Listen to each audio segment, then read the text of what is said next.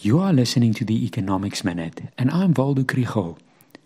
The US Federal Reserve increased its lending rate by 25 basis points yesterday, and the South African economy's seesaw roller coaster ride continues. This week's index of retail sales and consumer confidence tells the story. Retail sales data shows that consumers were part of January's economic upswing.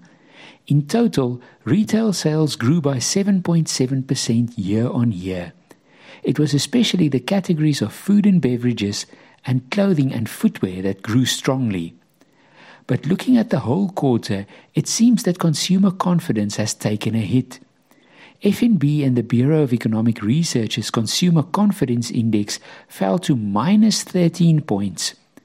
It's especially the prospects of record high fuel price levels, further rises in food prices, and possible faster increases in interest rates that are making consumers more cautious and less likely to spend. Unfortunately, there's not a lot to do about these challenges.